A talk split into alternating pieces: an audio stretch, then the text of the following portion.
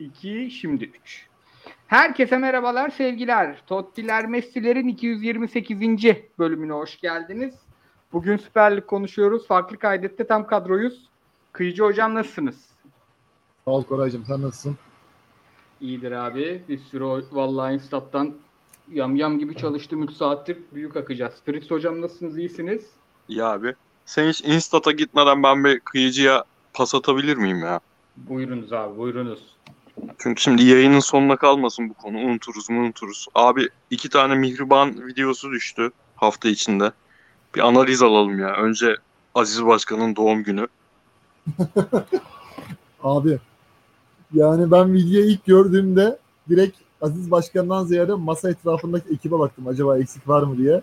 Dikkatimi ilk çeken tabii ki Mahmut Uslu.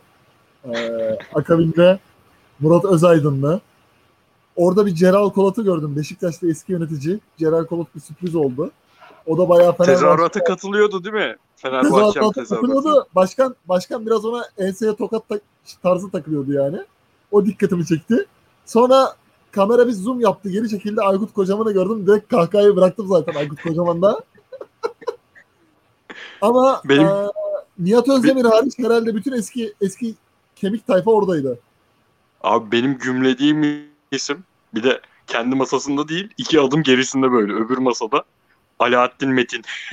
Onu görünce fena koptu. Bir de Aykut Kocaman'ın karşısında direkt Ali Yıldırım var. Ali Yıldırım da herhalde muhabbet halinde Fenerbahçe'yi 2017'de getiren isimlerden bir tanesi de advokat sanatı Ali Yıldırım'dı. Yani bayağı hani şeyi veriyorlar. Biz buradayız. Yine varız yani. O şeyi veriyorlar Fenerbahçe açısından. Şekip Mosturoğlu vardı değil mi? Vardı vardı. Şekip Mosturoğlu uzaktan zoom işlerine falan kalkıştı be. Ee, Sevilay Yıldırım'ın arkasına geçti bir ara. Çekmeye çalıştı. Kafası iyiydi. Sıkıldı sonra bıraktı. Ama abi şeye çok başka- özendim ama çok ya. abi İnsan- ya? Yani Mahmut Uslu'nun yanında olması mesela. Şekip Mosturoğlu'nun olması falan. Bu nasıl bir sevgi, nasıl bir arkadaşlık ya? Abi. İnşallah biz de o yaşa gelince öyle etrafımızda Abi- öyle insanlar olur.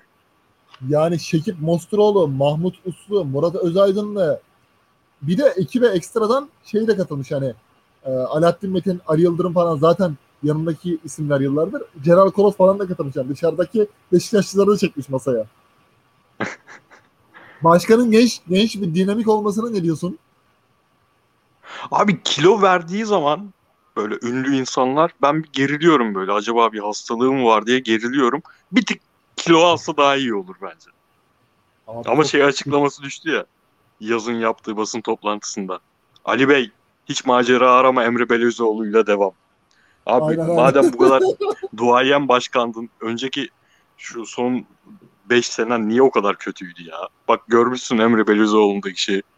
Tabii canım tabii ya. Yani bir de e, hani Darmstadt'tan Serdar Dursun değil bizim diyor segmentimiz daha yukarıdan daha iyi topçular atıyorum. Hani Eden Hazard tarzı e, Gareth Bale tarzı topçular diyor. O mesajı da alt- alttan veriyordu yazın konuşmasında. Herkes koku zamanı başarısızlık olduğu zaman başkan 3 aya geri döner diyordu ama başkan da bazı şeyleri sindirmiş herhalde ki 3,5 yıl sonra konuşmaya başladı. Ve görüntü vermeye başladı. Da abi yok o yani ciddi tarafa geçersek yani benim etrafımdan gördüğüm Ali Koç'u hiçbir zaman desteklememiş olan insanlar bile Aziz Yıldırımcılık yapmıyor yani. Oraya dö- dönüş olması imkansız. Diyelim ve Koray'a lafı bırakalım.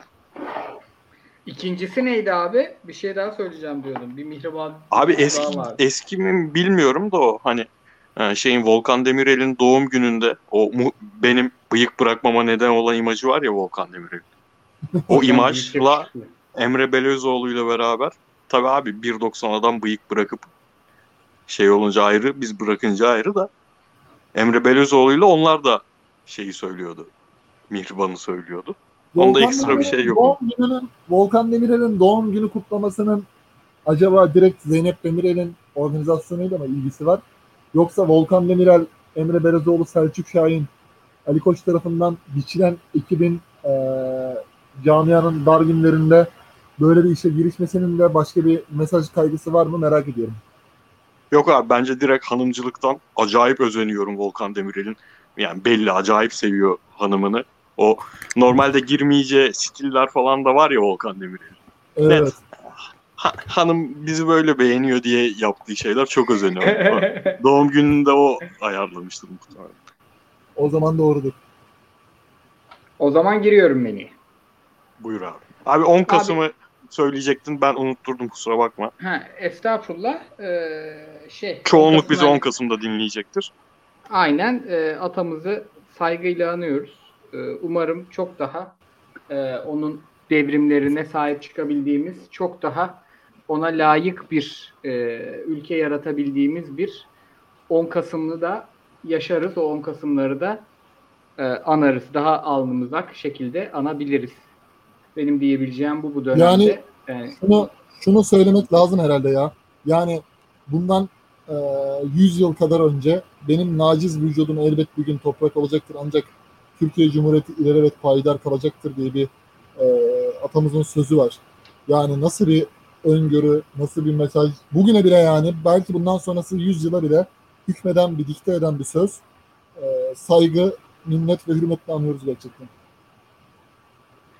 Deyip Tabii önemli Abi- olan Koray'ın dediği gibi o fikirleri uygulayabilmek, yaşayabilmek. Benim özellikle e, son yıllarda canımı sıkan, ya herkesin çok fazla şey var da bu eğitimle ilgili kısım insanların e, evet arızaları, hataları olabilir ama eğitimde fırsat eşitliğine en yakın olunan dönem Cumhuriyet'in ilk kurulduktan sonraki bir 10-15 senesi ve şu an çok uzağız. Şu an parası olmayan insan çocuğuna iyi eğitim aldıramıyor. En azından bunu bile hayata geçirebilirse bu ülke o anıya doğru düzgün sahip çıkmış olur. İnşallah o günleri görürüz. deyip İnşallah. e, menümüze geçiyorum. Önce Trabzon Beşiktaş'ı konuşacağız. E, bir ama yani sadece derbiyi değil, e, Abdullah Avcı'yı az konuştuk, Trabzon'u az konuştuk. Ona bir bakacağız. E, kıyıcıya gelen hamsili kalemin eşliğinde. Müthiş kalem hocam roket. Fenerbahçe Kayseri'ye geçeceğiz. Fenerbahçe'nin de sezonunu konuşacağız orada. Çünkü e, Fenerbahçe yine bir krize girdi. Yeni hoca isimleri düştü. Karagümrük Galatasaray'a geçeceğiz. Galatasaray da bu takımlarla aynı puanda olmasına rağmen ve puan kaybetmesine rağmen hiçbir krizin falan olmadığı gayet sakin bir dünya var. Ama bu maçın neden kazanılmadığına dair bütün sezona bakarak konuşacağız. Ondan sonra da hep sadece Anadolu'dan notlar demeyelim, istatistiklerle, Instat'ın raporlarıyla bir lige bakacağız. Ondan sonra da soruları cevaplayacağız ve e, yayını kapatacağız. Diyelim ve abi şöyle başlayalım. Şimdi Trabzon Beşiktaş tarafında. Bu arada Kıyıcı senden bir dip ses geliyor abi. Sen konuşmadığında mute alsana şeyi. Tamam. Ben hatta aa dur. Ben yapabiliyormuşum. Evet ben yapabiliyormuşum. Sen Tamam yapamazsın. sen de yap. Ben... Heh, tamam evet. O dip sesi kıyıcı konuşurken eee, şey yapacağız bugün internetten ve bilgisayardan dolayı. Abi şöyle Fritz de sessizde ben kendi kendime konuşuyormuşum gibi oldu. Abi maç konuşmaya başlayacağınız için ben direkt sessiz aldım kendimi. Abi şöyle e, Beşiktaş'ın krizini konuşacağız burada. Trabzon'u da biraz göz ardı mı ettik diyeceğiz. Hani e, ligi zaten diyoruz 10. haftadan sonra oturuyor bizim lige dair fikirlerimiz. E, ama şunu önce bir e, söyleyeyim. Avrupa dönüşü bu takımlar puan kaybetti ya. Ben bir baktım Avrupa dönüşü hiçbir kötü mücadele etmemiş. Hem koşu mesafelerinde hem ikili mücadele sayılarında hem savunma hamlelerinde. Üçü de iyi. Beşiktaş da bu maçta kötü oynamadı. Ama ben Beşiktaş'ın yani e, Abdullah Avcı'nın bu kanatları e, riske eden ve hücuma çok hızlı net giden planını överiz ama Beşiktaş'la başlayacağım. Çünkü Beşiktaş'ta şunu konuşmak lazım.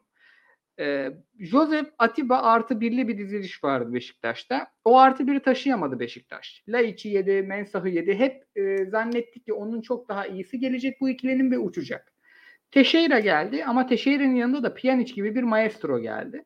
Nedense bu iki oyuncu gelmesine rağmen ne diziliş değişti ne oyun değişti. Sadece Atiba çıktı, Pjanic girdi ve e, Pjanic e, iki derbinin de hem Galatasaray maçının hem e, Trabzon maçının Beşiktaş adına en çok koşan oyuncusu olmasına rağmen Beşiktaş bu maçlarda daha kırılgan bir yapı gösterdi. Kıyıcıya soracağım abi. E, şey Sence Sergen Yalçın bu geçtiğimiz sezonki e, planı biraz bir dizilişi değiştirip ya da derine Pjanic'i atıp bir 4-2-3-1 yapıp başka bir şekilde e, bu kadroyu daha iyi bir kullanabilir miydi ile başlayalım. Çünkü ligde 10 puan geri düşüldü. Şampiyonlar Ligi'nde de hala sıfır çekilmiş bir durum var. Kıyıcının mikrofon kapalı hala ama. Tamam. Şu an açıldı. Şu an temiz Ee, abi. Tamam. Sezon geneline bakarak konuşursak puan farkından sebep Sergen Yalçın'ın e, çoğu maçta ben verdiği e, teknik kararlarda tartışılacağını düşünüyorum söylediğim gibi Koraycığım. Yani e, Santrafor mevkisindeki Batshuayi'nin sakatlığı sonrası işte Kenan'ın daha ön plana çıkartıldığı bir e, oyun şeyleri de oldu, profilleri de oldu Sergen Yalçın'ın. Bu maçta Güven Yalçın'ı tercih etti. Alex Teixeira'nın hala hazır olmadığı çok belli oluyor. Yani 6 ay ve 8 aylık bir e, oyun eksikliği, oyun formatındaki nasıl söyleyeyim kendini Sergen Yalçın'ın biçtiği role adapte edememesi, bazı maçlardaki Talişka'yı andıran ayak içi vuruşları var ama oyun devamlılığında adam yok. Bu da Sergen Yalçın'ın geçen sezon işte Abu Bakar, Larin, zaman zaman işte Mensah'ın da iyi olduğu dönemlerdeki formunu sekteye uğratıyordu. Hal böyle olunca da oyun tıkanıyor. Bir de ben Sergen Yalçın'a dair şunu görüyorum. Mesela rakip bir hamle yaptığı zaman Sergen Yalçın'ın geçen seneki Beşiktaş'ı buna anında saha içinde reaksiyon verirdi. Yani karşılık hamleleri yapabilirdi. Bu maçta bir şey dikkatimi çekti. Benim en çok dikkatimi çeken Abdullah Avcı oyununa dönük pusu şuydu. Yani Abdullah Avcı'nın takımı Beşiktaş'ı kaset kaset analiz etmiş. Çok belli. Nasıl söyleyeyim? Mesela kaleci Uğurcan hep uzun vurdu. Uzun degajlarla hücumu hep kenarlara yığdılar. Yani Janini, Hı hı. Abdülkadir Ömür bazen ortadan bazen sola geldi, bazen sağa geldi. Vakayeme solda kaldı. O uzun degajların hepsiyle hücum akışı hep bir terse döndü. Yani bir çember yapıldı orada. Beşiktaş her zaman farkındaysanız bu söylediğim 3 oyuncuya top geldiği zaman rakiplerinin gerisinde kaldı ve hep hep yani zor anlar yaşadı bu pozisyonlar. Sergen Yalçın'ın Beşiktaş'ı buna bir çözüm üretemedi. Onlar da bu e, oyun aksiyonlarına karşı sadece için ayağından servisle olan işte Rozier kanadına, Gezal Rozier ikilisine, zaman zaman Samaneleri gibi olan Teixeira ve Larine oynamaya çalıştı. E, hal böyle olunca şimdi oyun da tıkanıyor. Güvende haliyle Batshuayi gibi hareketli bir oyuncu değil. Batshuayi'nin mesela gol vuruşu zayıf ama hareketi savunmayı yıpratıyordu. Trabzon savunması huni içerisinde aldı Bak, e, Güven Yalçın'ı da. O Kesin. istenilen toplar gelmedi.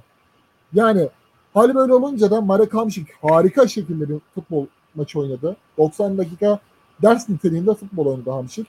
Ee, hali böyle olunca da zaten işte Abdülkadir Ömür'ün golü ve Abdullah Avcı'nın kafasındaki işte Cornelius'u oyuna atarım işi bitiririm planı tutunca e, Beşiktaş bir mağlubiyet yaşadı.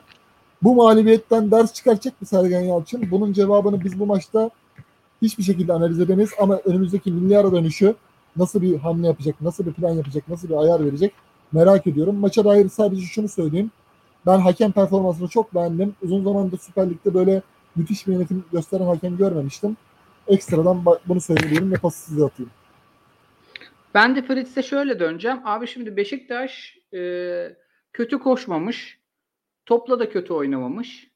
E, burada o zaman marifeti rakipte aramak lazım. Zaten Trabzon'a bir daha döneceğiz. Bir daha geçeceğiz. Uzun uzun konuşacağız ama şimdi e, açıkçası ben maçı bir izledim. Bir de bu Instat'tan toplu olan kısımları izledim sadece. Ben iki izlediğimde de şöyle bir şey geliyor gözüm. Ulan Beşik ya Trabzon bir şey yapmış ama ne yapmış? Böyle bir yemekte güzel bir tad alırsın da ulan bu ne dersin çıkaramazsın ya öyle. Sonra Önder Özen'i izledim. Önder Hoca çok net tahtada anlattı. Trabzonspor Beşiktaş'ın iki bekini riske etmiş abi maç boyunca. Çok yakın savunma yapmış yani çok e, dar alanda savunmuş. Demiş ki Beşiktaş'a al abi beklerini topu benim ceza sahama yerden göndermede ne yaparsan yap. Havadan yağdır. Hiç önemli değil ben karşılarım.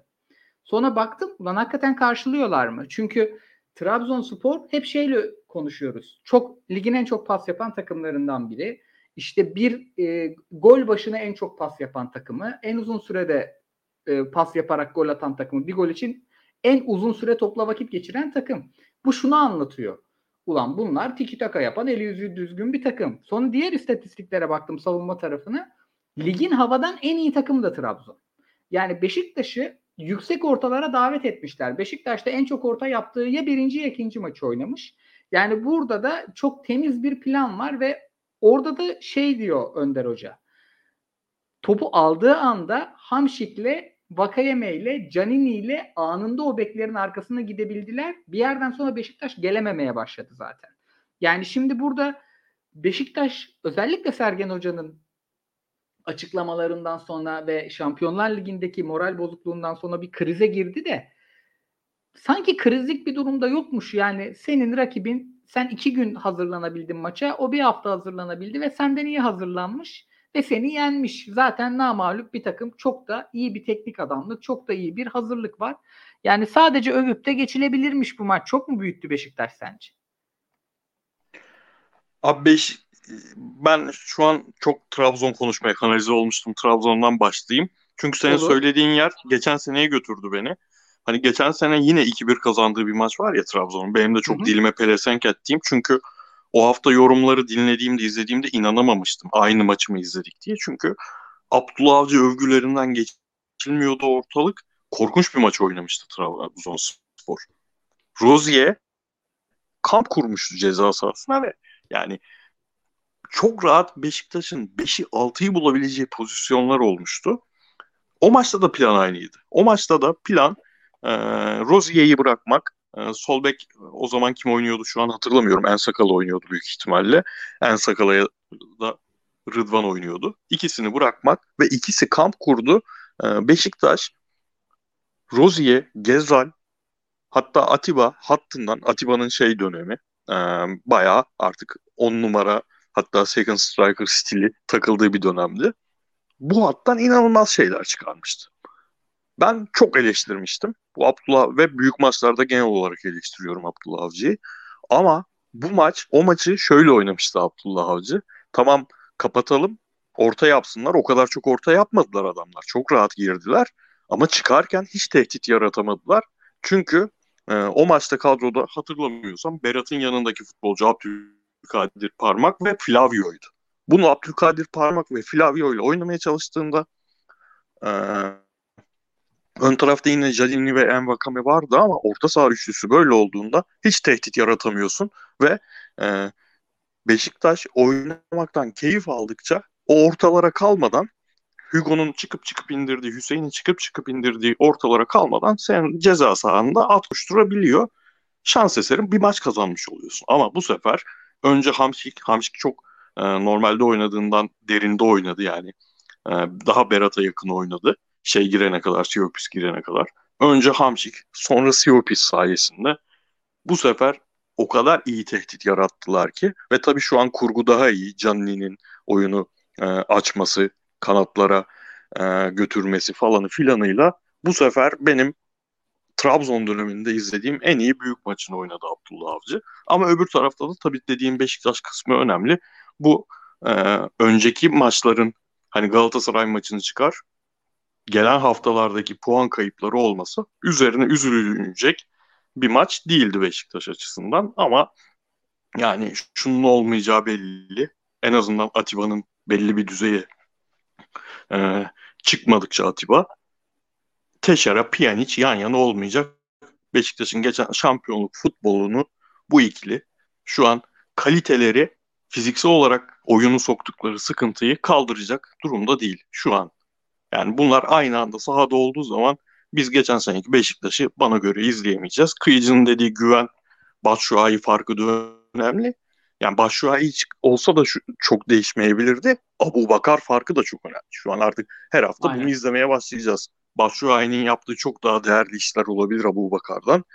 Potansiyeli de daha yüksek olabilir önündeki kariyerinde. Ama Abu Bakar'ın orta sahayla bağlantısındaki kalitesi, oyun aklı falan bambaşka seviyeydi. O anlamda sıkıntılı bir tarafı var Beşiktaş için maçın. Katılıyorum abi ve e, kıyıcıya şöyle bir atayım pası. Biz Trabzon'un planı üzerinden bir konuştuk. Abi sen Trabzon'a bir genel bakabilir misin? Çünkü içimizde en çok sen izledin Trabzon'u bu sene. Ee, ben Abdullah Avcı'nın geçen seneki takıma göre biraz daha şunu değiştirdiğini düşünüyorum. Hani Sergen Yalçın da o sıkıntı yaşadı. Şimdi Sergen Yalçın Avrupa arenasında iki tane Sporting Lisbon maçı oynadı. Yani e, Amorim takımıyla oynadı. Duran toplarda ve oyunu terse kırmada işte virtüöz orta sahalar demeyeyim de biraz böyle geriden derinden oyun kurmaya karşı meraklı bir teknik adam takımıyla oynadı. Üstelik de hafta içinde Lisbon'a karşı gerçekten çok e, ezici bir şekilde farklı mağlup oldular. Herhalde Lisbon dönüşü en karşılaşmak istemeyeceği teknik adam profil de Abdullah Avcı olabilir diye düşünüyorum. Çünkü neden? Abdullah Avcı'dan da e, o, o tarzda bir Başakşehir oyun skalası vardı ya. Yani işte biraz tecrübeli oyuncuları biraz e, genç oyuncularla işte Berat tarzı, Abdülkadir Ömür tarzı koşan biraz da kalite ayakları birbirine harmanlayıp da işi bitiren tarzda ve o şekilde de e, bu maçta Abdullah Avcı profili ne dersen bu maçı özel bütün istediğini alan bir Abdullah Avcı izledik. Başından sonuna kadar işte Cornelius'u oyuna aldığı dakikanın işte Yusuf Sarı hamlesinin geldiği dakika 75-76 falan da yanılmıyorsam. E, Dansville'in sol bekte e, bir şekilde pozisyon ikamesini yaptığı anlar, Serkan Hasan'ın oyun içerisindeki Enkudu'ya temaslı herkesin penaltı beklediği pozisyon vardı ya. Yani bütün bütün Abdullah Avcı'nın kafasındaki kurgu her şey yaver gitti. Şansı yaver gitti. Buna şans demeyelim de planı yaver gitti diyelim. İşte Abdullah Avcı nasıl şampiyon olur? Bu şekilde şampiyon olur.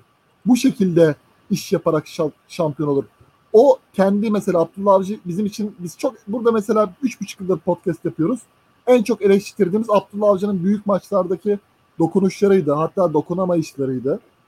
8 puan şampiyonluk geriden verdiğindeki e, hatalarıydı.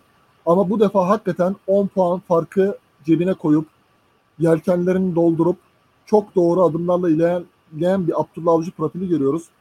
Ya, teknik adamın satrancını görüyoruz burada. Bu çok önemli.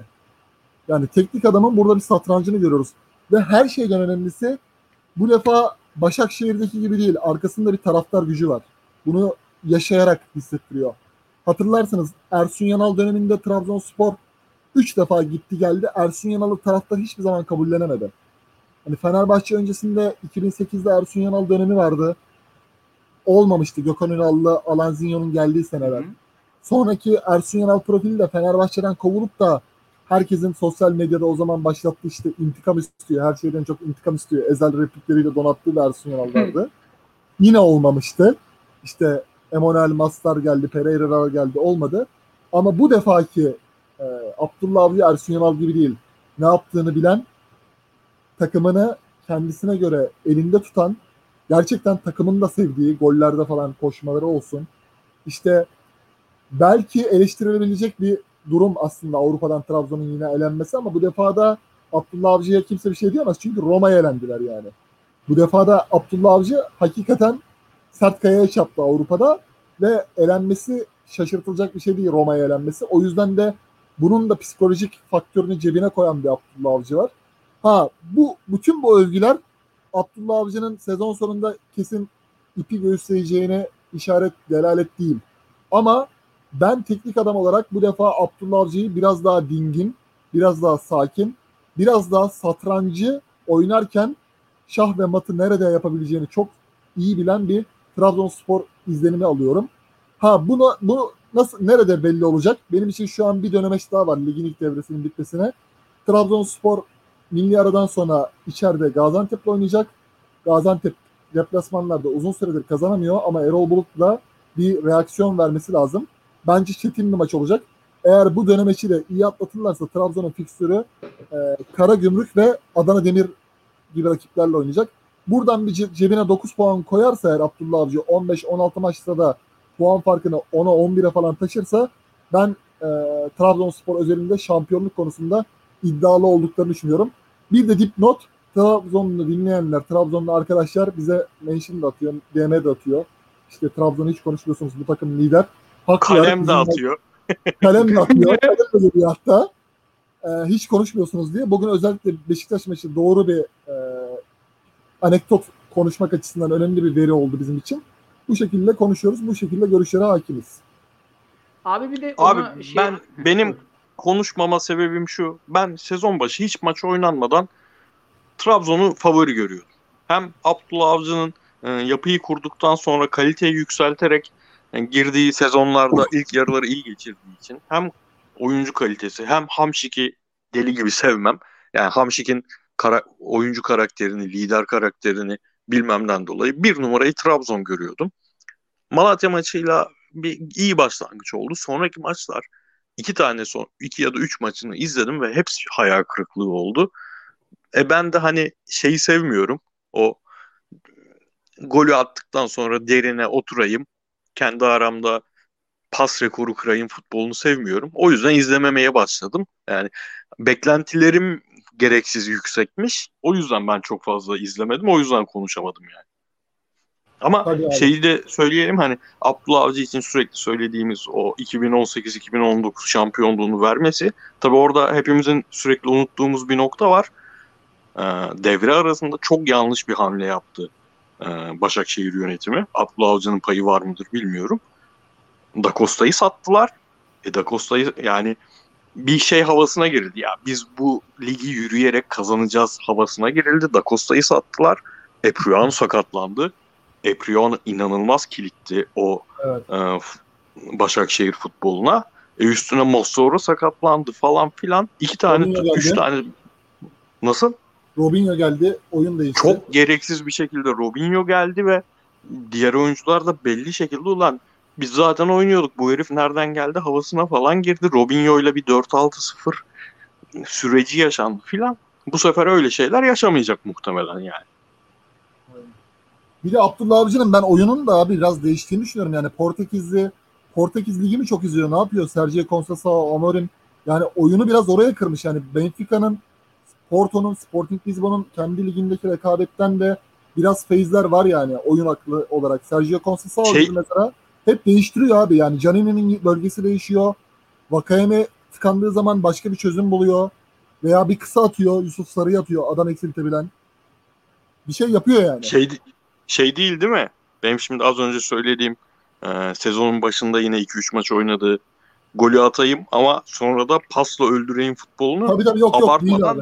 Değil. Abartmadan değil. bu sene geçişlerde özellikle hiç olmadığı kadar iyi yani. Değil. Canini'nin varlığı falan. Bir de şimdi taraftar da var ya abi şimdi Trabzon taraftarıyla bütünleştiği için Trabzon seyircisinin homurdanacağını da bildiğinden dolayı bir bir gol atıyorsa çok güzel yerden getirdim. Bir gol atıyorlarsa onun üstüne kapanayım yatayım değil 2-3'ü arama işte ona yönelik değişiklik yapma veya ona yönelik akortu koruma şeyi yapıyor. E, içgüdüsü yapıyor ve başarılı oluyor. O yönden de e, gerçekten iyi bir iş yapıyor bu sene.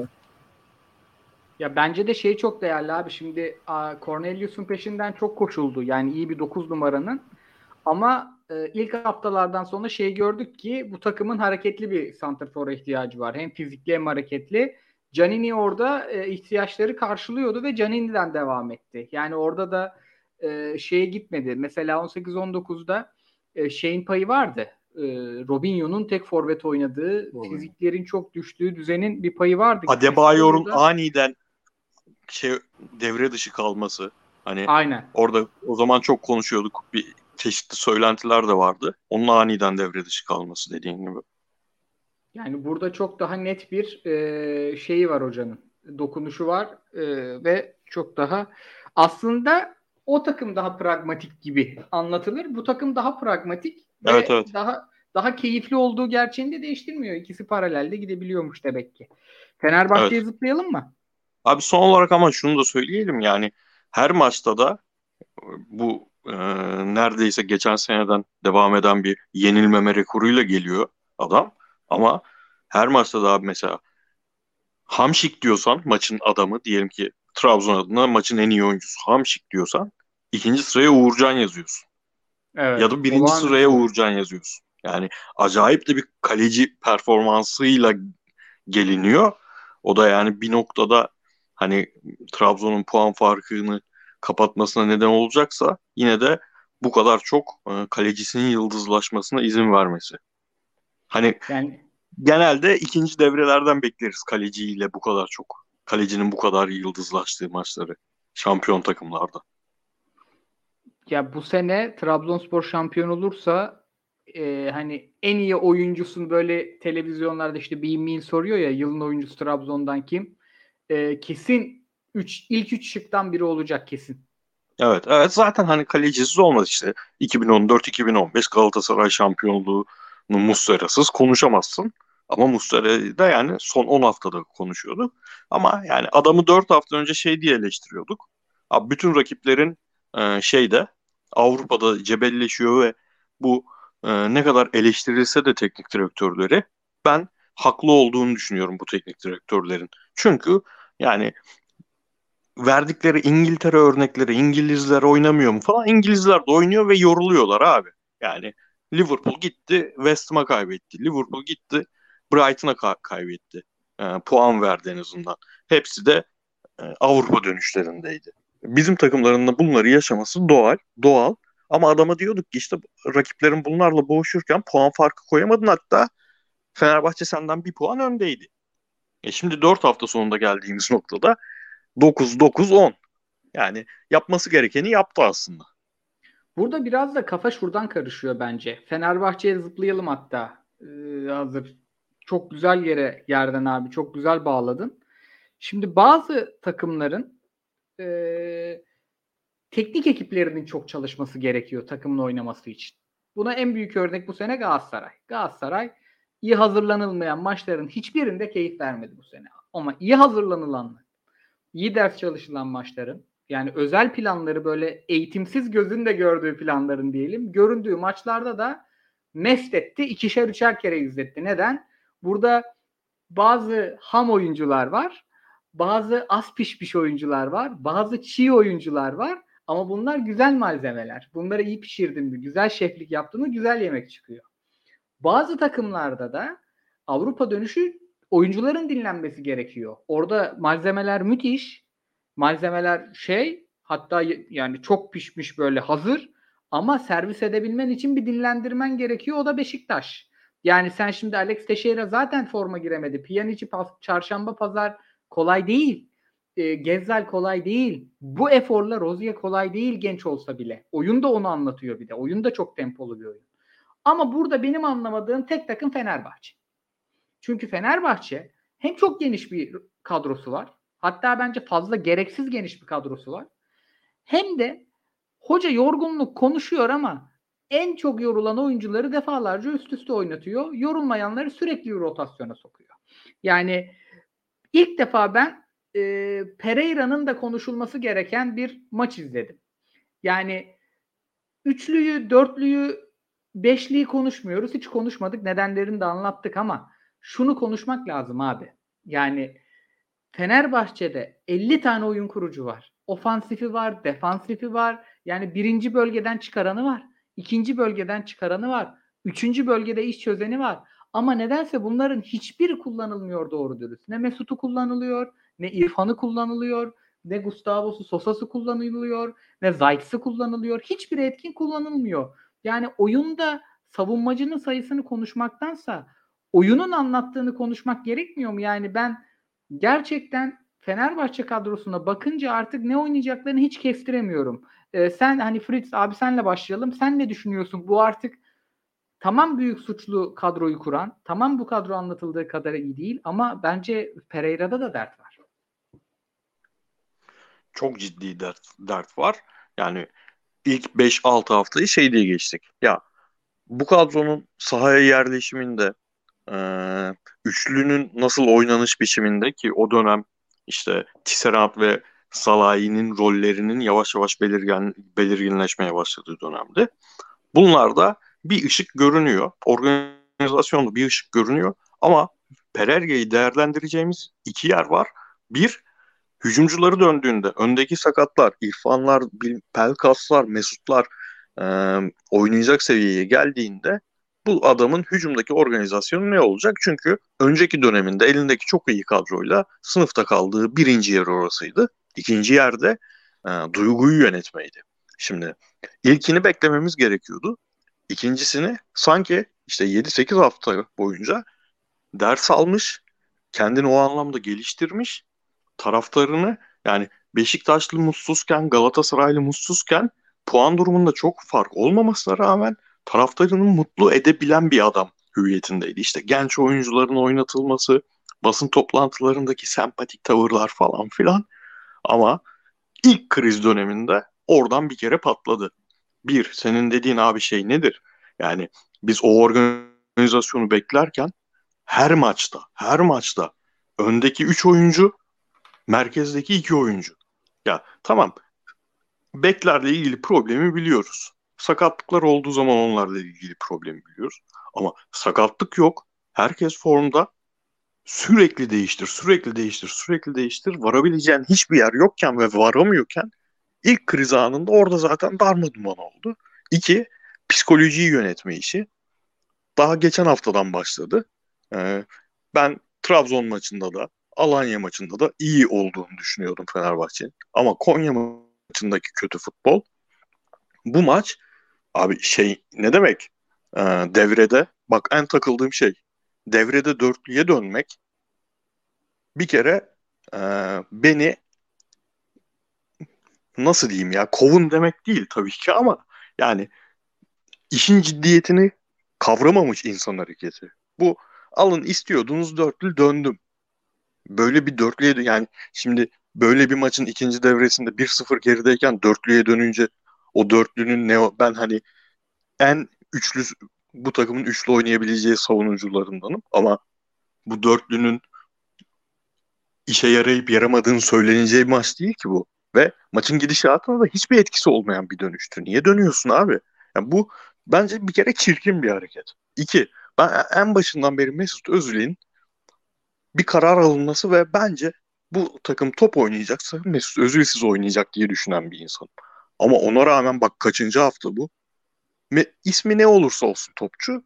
Üstüne adamın ismi Mesut Özil'ken bu muamele yapılmaz abi. Bu kaçıncı 80 sonrası alışım Mesut Özil'i. Ya evet, sen evet. kendi teknik direktörlüğüne güveniyorsan, kendi duruşuna güveniyorsan dersin ki ben oynatmayacağım. İstiyorsanız kovun iste, istiyorsanız kovmayın beni. Ama oynatmayacağım bu adamı. Ama Mesut Özil de sürekli 80'den sonra alıyorsan sen hakikaten çok iyi niyetli bir insan değilsin demek ki abi. Yani buralarda çok en çok takıldığım şeyler bunlar benim Pereira'ya. Yoksa abi yani şimdi üçlüyü oynama biçiminde ben başlangıcını beğeniyordum. Elindeki beklerle e, bekleri kullanış biçimi, e, stoperlerin oyuna katılımı, stoperlerin rolü bunların hepsine okeydim. Olabilecek en iyisi ancak bu kadar oynanırdı. Ama işin hücum tarafı çözüm olmadığı gibi savunmada da normal bir üçlüdeki mesela abi sen Sheffield örneği vermiştin ben sürekli oraya gidiyor aklım. Abi Sheffield United'ın geçişlerde topu kaptırdığı an e, ve geri kazanamadığı an orta saha oyuncularının beklerin e, beklerin diyorum stoperlerin açıklarını nasıl kapattığını bilirsin. Fleckler, Lundstr Lundströmler bu adamların bütün rolleri o geçişlerdeki o şeyi yapmak Fenerbahçe Olympiakos maçından beri paramparça oluyor. Aynen. Ee, tamam. Hücumda yaratamıyorsun. Bir de geçişte hücumdaki rolleri iyiyken bütün oyuncuların savunmaya dönmen gerektiği zaman sürekli para Alanya'ya da paramparça oluyorsun. Kayseri'ye de paramparça oluyorsun. E yani. Yani Fenerbahçe'nin kıyıcıya da şöyle atayım pası. Abi Fener bu kadar e, savunmada risk almaya, bu kadar savunmada hata yapmaya maç başına iki golü bulamadı daha.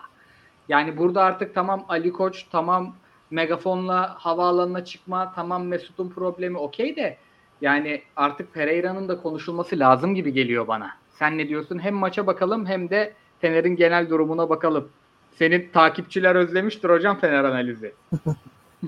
ya ben öncelikle Belçika'daki Antwerp maçında işte Sosa, Mert Hakan böyle bir yapı içerisindeki ilk 45 dakikadaki Fenerbahçe oyununu e, bir referans olarak düşünmüştüm.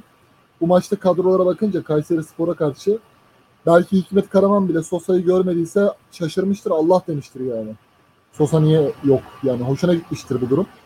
Çünkü Fenerbahçe e, Mert Hakan'ın yanına Meyer onun önüne de Nihat Ayçi koydu. Zaten orada bile bir kırılma yaşandı yani. En çok ıslıklanan oyuncu Nihat Ayçi'de golü atan isim o oldu. 2-1'e getirdi skoru. Yani Fenerbahçe'nin durumuna bir şey çekecek olursak, MR çekecek olursak tribün, futbolcular, teknik heyet, başkan yani hepsinin fotoğrafı aslında o durumda. En çok ıslıklanan oyuncu skorun bir puan alınmasındaki etkili şutu attı ve gol oldu. Yani öyle bir Fenerbahçe'de kopuşlar var. Bunun iki tarafı var. Birincisini siz çok güzel zaten aksettiniz. İşte e, üçlü, dörtlü oyundaki geçişler, kadro tercihleri, Mesut Özil'in bir dünya yıldızı oyuncusu profilinden nasıl söyleyeyim? Emrah Başsan'dan bile aşağı seviyeye gelmiş olduğu nokta. Marka Mesut Özil markasını Fenerbahçe bir ay önce Trabzonspor maçından sonra megafonla havalimanına götürerek yani flash röportajlara katılmayan Mesut Özil'in megafon vererek de saat gece 12-1'den sonra havalimanına götürerek yerle yeksan etti. Mesut'un zaten az bir psikolojisi varsa eğer oynama hevesi orada bitirdi. Vitor Pereira'yı da bence orada bitirdiler. Yani sen Trabzon maçını bir şekilde %70 topla oynama, %30 topla oynama rakibe karşı kaybettin. 20 şut rakip. Belki 3'ten de fazla bitirilirdi. O maçı orada bırakman lazımdı. Biz bu maçı unutmalıyız demen lazımken başkan olarak en tepeden başlar çünkü sorun. Benim hep söylediğim bir laf var. İlk düğmeyi yanlış iliklersen bütün gömlekte yanlış gider. Ali Koç orada ilk düğmeyi yanlış ilikledi. 3 maç üst üste kazanan Fenerbahçe'yi yani Başakşehir yenilgisinden sonra yol kazası deyip de işte Hatay'ı, Paşa'yı falan yenip de Trabzon'a gelen Fenerbahçe'yi evet arkadaşlar bu bir yol kazasıdır. Kim Minje'nin kırmızı kartı. Önümüzdeki maçlara bakacağız. Lig uzun maraton demek yerine Vitor Pereira'sından Mesut'a kadar havalimanına götürdü. Burada Mesut'un da olan bir motivasyonu kalmadı. Çünkü adam Türkiye'de beyine bile röportaj vermiyor maç önlerinde dikkat ettiyseniz. Burada tamamen yok oldu. Ee, Vitor Pereira'nın da nasıl söyleyeyim orada belki takımı bir toparlama bir oyuncu ilişkilerine dair bir hevesi varsa onu da kaçırttılar. Çünkü genç oyuncularla falan lige başlamış. Vardır bir bildiği falan diye tribünlerde tişörtleri falan giyiliyor adamın. O noktada Vitor Pereira'ya olan inanç da yıkıldı. Topçulara dedi ki ya siz bakmayın sizi zaten bu ligde şampiyon yapmazlar.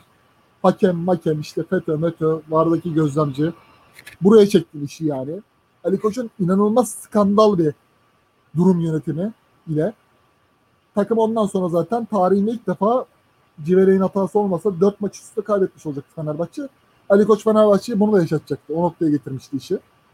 Hani burada tek Vitor Pereira'yı ben suçla bulmuyorum yani. Bu adamın 3 tane maç sezon başında seri yapıp da Başakşehir'e yenildikten sonra tekrardan işte Giresun, Hatay, Kasımpaşa burada yine seri yapıp da 3 maç üst üste kaybetmesi yani sosyolojik, fizyolojik mantaliteyle birleştirerek ortaya çıkartacak bir şey.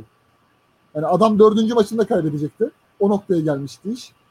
Ha, bundan sonra Fenerbahçeli yazarlar zaten hemen herkes yazmaya başladı işte.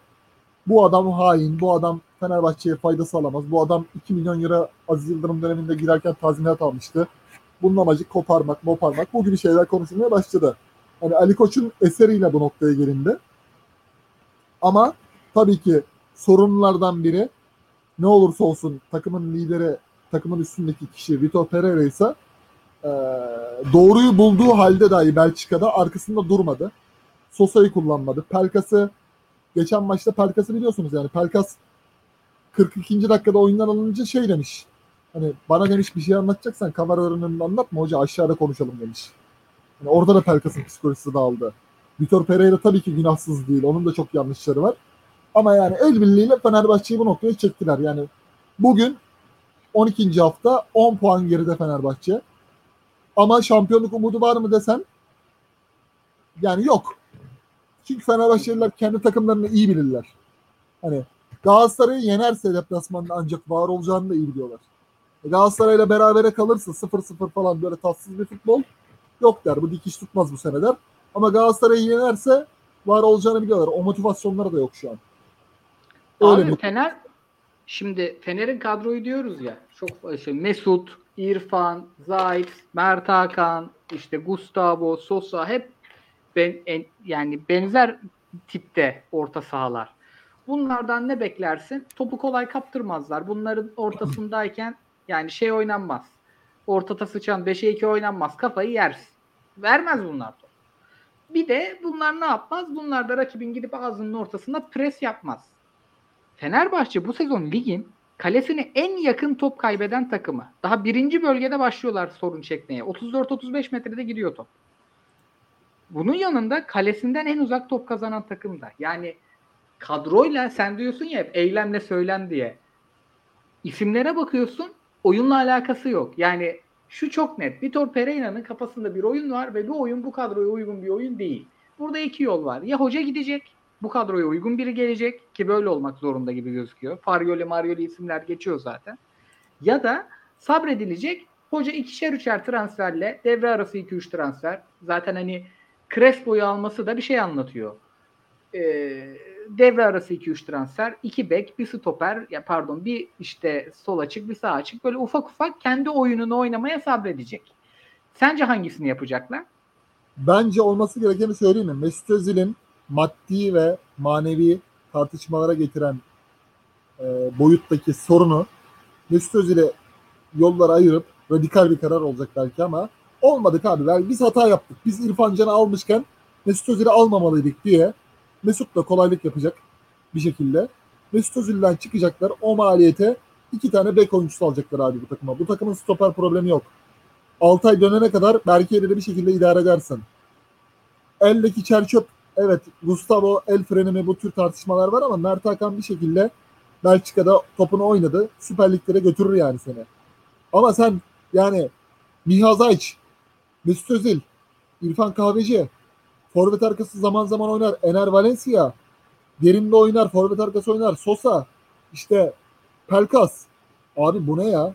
Werner Lorant'ın Fenerbahçe'sinde bu kadar kenar oyun, hücumcu oyuncu yoktu forvet arkası yani. Ceyhun, Rapaiç, Revivo.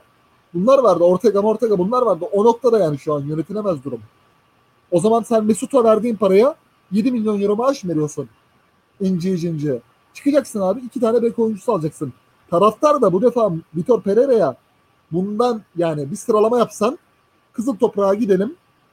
Elimize abi alalım anketör tabletlere. Anket yapalım. Bir, bir numarada Vitor Pereira demezler. Ali Koç derler. Öyle Çünkü zaten tribünde taraf- Pereira istifa diyen yok ki. Herkes Ali Koç istifa diyor artık. Ta- taraftarlar artık yani taraftarı da kandıramazsın. De- devir o devir değil abi. Herkes artık biliyor neyin ne olduğunu. Bu takımda adam zaten Muhammed'le Ferdi Kadıoğlu'nu sol içe, sol kenara devşirdi.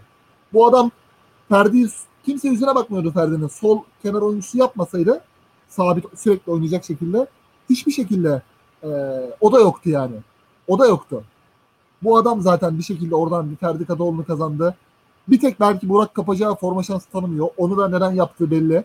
Ben istememiştim aldılar diye oynatmıyor. Yüzde yüz eminim buna. Çünkü Nazım Sangare oynuyorsa sakatken Nazım'ı bekliyorsan sen Burak'ı oynatmıyorsan o sayıyı falan oynatıyorsan Burak da oynar abi yani. Bir şekilde itici güç oynar yani. 15 dakika oynar 20 dakika oynar. Forma verirsin. Ben istemeden aldılar. Menajer transferi falan filan diye oynatmıyor adama Vitor. Ama bu şekilde e, başkanın da artık kredisi kalmadı yani. Ali Koç'un yapması gereken her şeyi yapmıyor. Galatasaray'dan İrfan Can çalımı Galatasaray gibi işte Wesley Snyder'ı getirdiler. O dönem Mesut Özil'i getireceğiz. Dünya markası oyuncusu katacağız. Wesley Snyder transferinde Galatasaray Inter'le pazarlık yaptı. Ünal Aysal'la Moratti işi çözdü. Sen Acun'u araya koydun. Mesut Özil'e de bir tane kapı lazımdı zaten. En azından Katar'a Matar'a gitmektense Türkiye'ye geldi işte. Zaten o da seviyor böyle siyasi miyasi görüntüler vermeyi. Onun işine geldi. Vergi de yok. Cennet. Ha, Mesut Özil de böyle bir e, düşüş atladı. Ama sen bak da artık zarar veriyor abi yani. Mesut'un varlığı da zarar veriyor. Şimdi Farioli gelse Mesut'un sorunu bitmeyecek ki abi. Ben inanıyorum yüzde yüz bitmeyecek yani. Belki Farioli'yle başka bir şeyle takışacaklar. Belki idmandaki bulguları yetersiz. Hakikaten Vitor Pereira haklı. Adamı görüyorsunuz abi yani siz adam iki koşuyor yüzü kanter içinde kalıyor ya. Yani dersin ki bu ulan bu sporcu falan değil artık hastalığı falan mı var dersin yani Mesut'un yüzüne bakınca. Anlıyorsun. Bu belki Vallahi. belki hani hakikaten de Vitor Pereira haklı bilemiyoruz. Biz belki diyoruz ki Mesut'u kullanmıyor. Ama hakikaten değerleri düşük belki de. Hakikaten Vitor'u sevmediği için oynamak istemiyor ya da başka bir şey. Ama abi şimdi Vitor'da Sosa'yı oynatmıyor yani. Belçika'da Perşembe Yıldız olan adam oynatmıyor. Max Meyer'i kullanıyor. Yani tamamen yanlışlar birbirine girmiş. Başkan yanlış ilerliyor. Yönetim zaten yok. Taraftar iyice birbirine girmiş. İrfan Can penaltı atarken dua okuyor. O kadar kendini artık güveni kaybolmuş adamın. Çünkü biliyor ki kaçırırsa ihale ona kalacak. Doğru Zaten çok çabuk kırılıyor Fener. Ee, Galatasaray'a geçelim mi? 50 dakikayı devirmişiz. Abi geçmeden Koray şey derken sen e, bu kadro senin oyununa uygun derken dizilişi kastetmiyorsun değil mi? Planı Yok, yok. kastediyorsun bu. Topa Aynen sahip aynen. olamama falan. Yok Yani, zaten anladım. abi her dizilişle mesela e, üçlüyle de çok iyi topa sahip olan var. Dörtlüyle de var. Beşliyle de var. Stopersiz deneyen de var yani. Guardiola'nın şey vardı ya bayerleri. Orta sahada iki tane şey stoperde iki orta saha. Yani e, hiç dizilişle ilgisi yok. Ben diyorum ki çok fazla ayağı iyi oyuncu var. Ama bu takımın verileri, istatistikleri çok fazla ayağı iyi oyuncu olan bir takımın istatistikleri değil. Beşli mi oynatırsın, dokuzlu mu oynatırsın, bir kişi eksik mi çıkarsın? O onun bileceği iş. O Yani şey her zaten rezalet ya. Yani hem söylediğin gibi böyle bir kadro varken el- elinde hem de üçlü oynuyorken geriden top çık- çıkartmada en problem yaşayan takımlardan biri. Yani çok topu orada kaybetmesi olacak iş değil. Bu ilk haftaların problemi değil, sonraki kriz döneminin problemi. Çünkü ilk haftalar roller daha netti Fenerbahçe'de. Aynen. Ben yani Pereira'ya dair hayal kırıklığı kısmı o. O e, Tisserand'ın ve Salah'ın rolleri özellikle çok netti. E, beklerden istediğini belli seviyeye kadar almaya başlamıştı. Ve geri dönüşlerde işte e, Salah yönde yakalandıysa kim onun kademesine girecek belliydi. Kim derken oyuncu olan kim değil. Bizde bizim Türkçemizdeki Türkçe kim? girecek belli filan.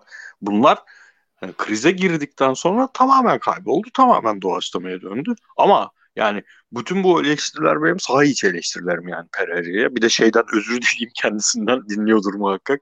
Kendini kovdurmaya çalışıyor gibi iğrenç bir laf ettim. Deliriyorum mainstream yorumcular öyle şeyler söyleyince.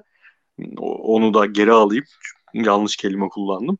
Abi ya takımın yıldız oyuncusu maçtan iki gün önce Türkiye'nin en çok izlenen spor yorumcusuyla Cumhurbaşkanı'nı ziyarete gidiyor.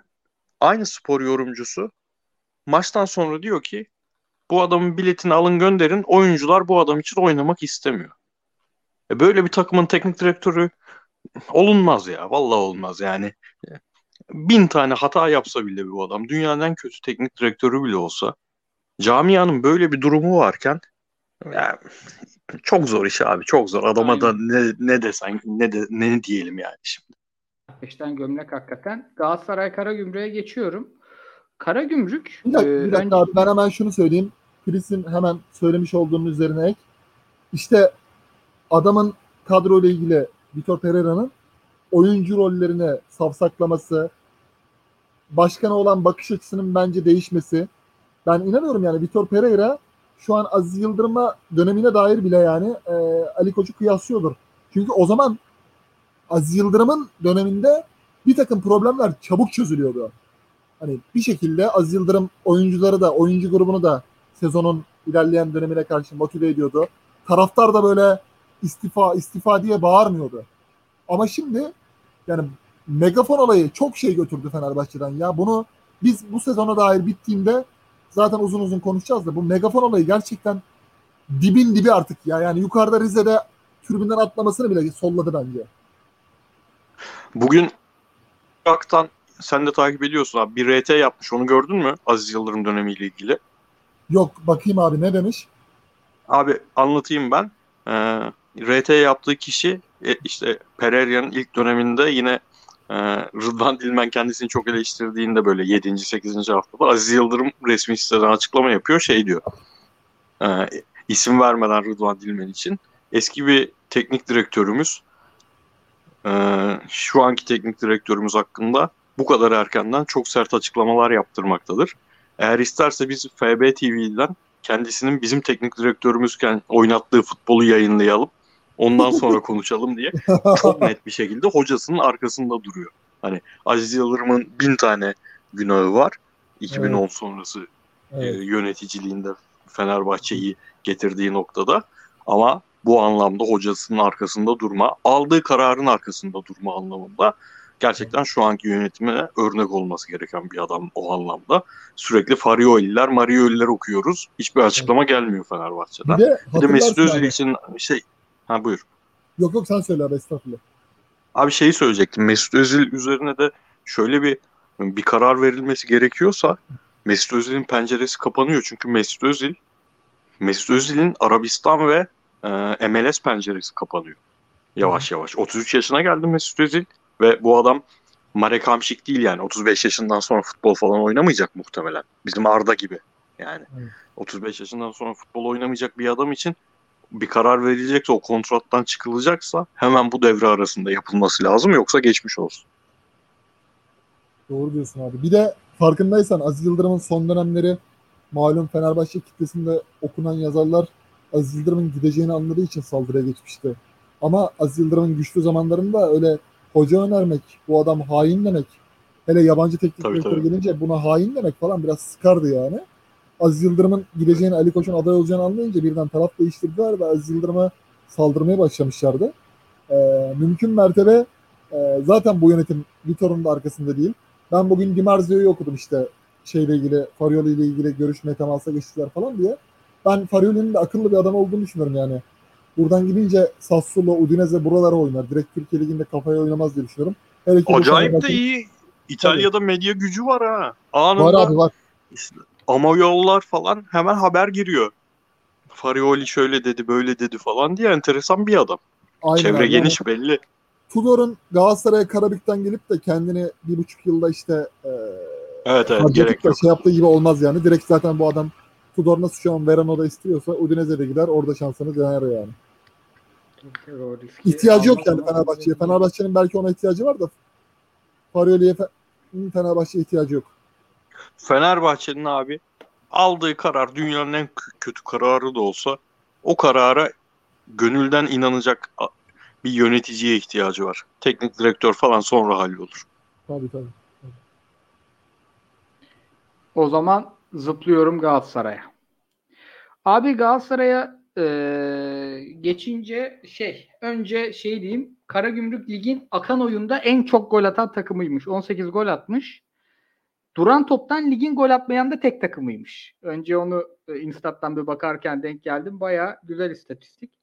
Abi şimdi e, maça baktığınızda istatistiklere baktığınızda, pozisyonlara baktığınızda şunu görüyorsunuz ki Galatasaray Avrupa'da sert bir maç oynadı. Onun dönüşünde de ligin iyi takımlarından birine karşı fena top oynamadı gibi gözüküyor. Ancak şimdi bazı maçlar kendi hikayesini yaratır ya. Ya Karagümrük çok zorlandı maç içerisinde. Stoperi birinci dakikada sakatlandı. Yabancı sınırından, Benatya'nın hazır olmamasından bunları üst üste koy yedeği de yoktu. Ee, Biglia'yı oraya çekti. Ondan sonra Biglia'nın yerine koyduğu oyuncu çok pas hatası yaptı. Galatasaray her bastığında topu almaya başladı. Sonra oyuna Benatya'yı attı. Ondan sonra Galatasaray e, Benatya'nın tarafını da işlemeye başladı. Benatya hazır değil. Benatya sakatlandı. Geri çıktı. Biglia'nın stoper olduğu düzene geri döndü. Yani Karagümrük can çekişti maç boyunca. Ama Galatasaray çok şey e, yüce gönüllü davrandı ya maç içinde. Ben böyle bir şey görmedim. Yani bir santraforluk canı vardı. Bir 9 numaralık, bir Embaye Cagnelik, bir Umut Bulutluk canı vardı Karagümrük'ün. Biglia'nın üzerine oynayacak. Zukanovic'in ağırlığının üzerine oynayacak. Sırtında rakibi taşıyacak ve Karagümrük'ü topsuz bir şey yapamaz hale getirecek. Abi biz onu yapmadık ya Muhammed girene kadar ve saçma sapan da bir gol yedikten sonra oyun öyle net yıkıldı ki rakip sahaya. Gerçekten yani eski Fatih Terim bu değişikliği 30'da yapardı gibi geliyor bana. Kıyıcı ne diyorsun abi? Ee, sen zaten esas kelimeyi söyledin Koray. Yani Bildia'nın stoper olduktan sonra hocanın yapmamış olduğu hamleyi e, tartışmak, ele almak, değerlendirmek lazım. Ben bunun dışında şununla başlamak istiyorum. Yani Lokomotif maçında arzu isteğini gösteren, e, Gaziantep maçında belirli bölümlerde iyi oynayan bir Sofyan Feguli. Yani Babel'le başlamayı da anlayamadım ben bu maça dair. Yani bir şekilde Feguli'de bir kıpırdanmalar var yani. Adam bir şeyler vermeye başlamış yani. Güzel bir gol atmış. Tamam Perşembe günü oynamış ama maç cumartesi, şey, pazar günü öğlen. Bu adam yani 3 gün içerisinde öteki maçı da kaldırabilir. Hani çok koşan bir oyuncu tercih etse, Babel oynatmasa, Barış Alper'le başlasa diyeceğim ki ya hoca Babel değil de hareketli bir oyuncu tercih etmiş.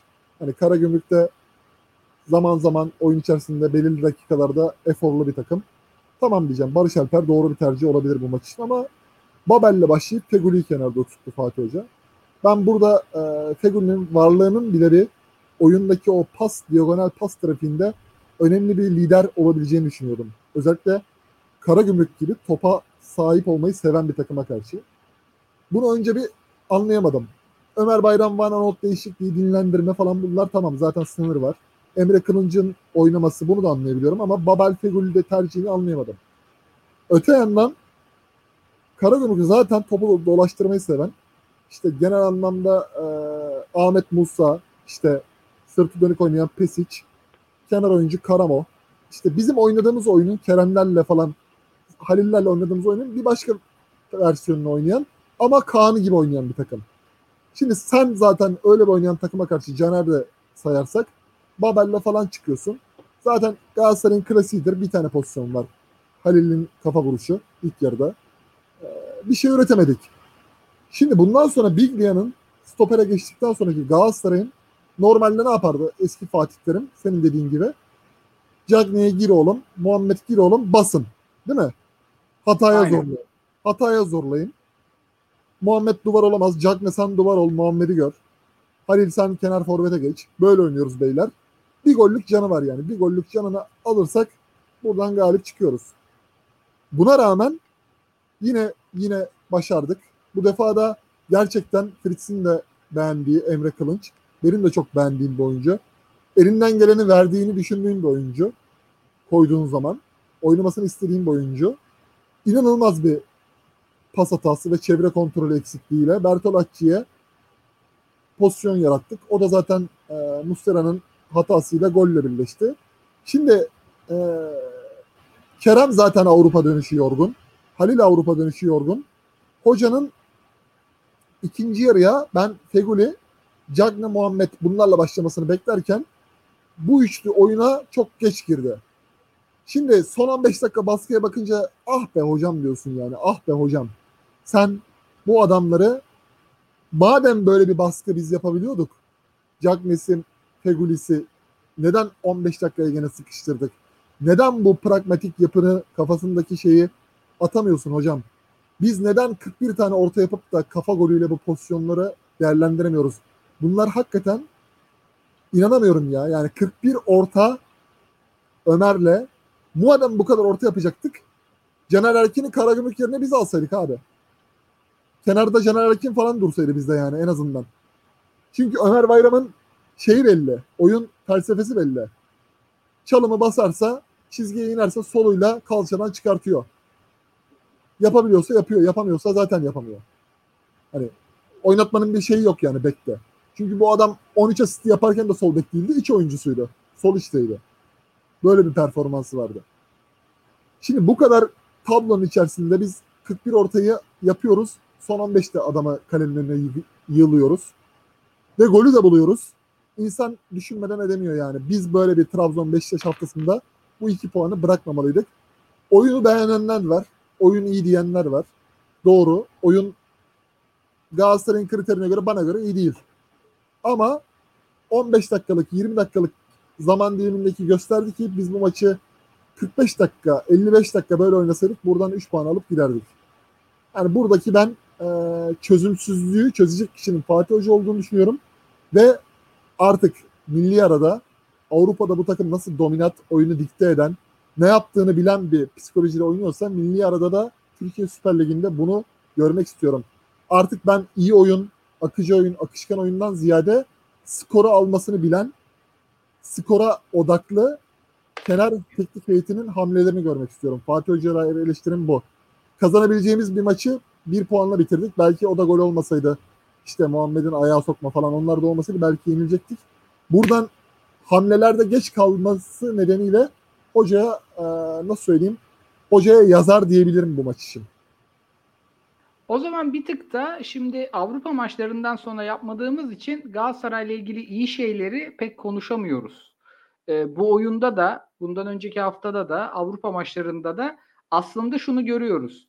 Oyuncular birlikte oynadıkça, vakit geçirdikçe, antrenman yaptıkça, bir şeyler çalışıldıkça takım iyiye gidiyor. Yani bazı şeyler en azından iyiye gidiyor. Fritz abi sanki Galatasaray'ın işte özellikle bu bonservisinin alınacağı haberleri çıktıktan sonra işte bir Mustafa Muhammed'i oldu. Bir e, iş gören 9 numarası var. E, e, uzun süre oynamaya başladıktan sonra son vuruşları da iyileştikten sonra iyi bir sol açığı Kerem'i var. Her şeyden önemlisi de sezon başında 6 numarasız olmuyor bu işler derken iki maçtır iyi performans gösteren ve orada tek oynayan yani önünde iki on numarayı da kaldırabilecek bir Berkan performansı var. Onunla birlikte ikilileri bulamıyor dediğimiz Galatasaray'da bir Marka Nelson ikilisi var.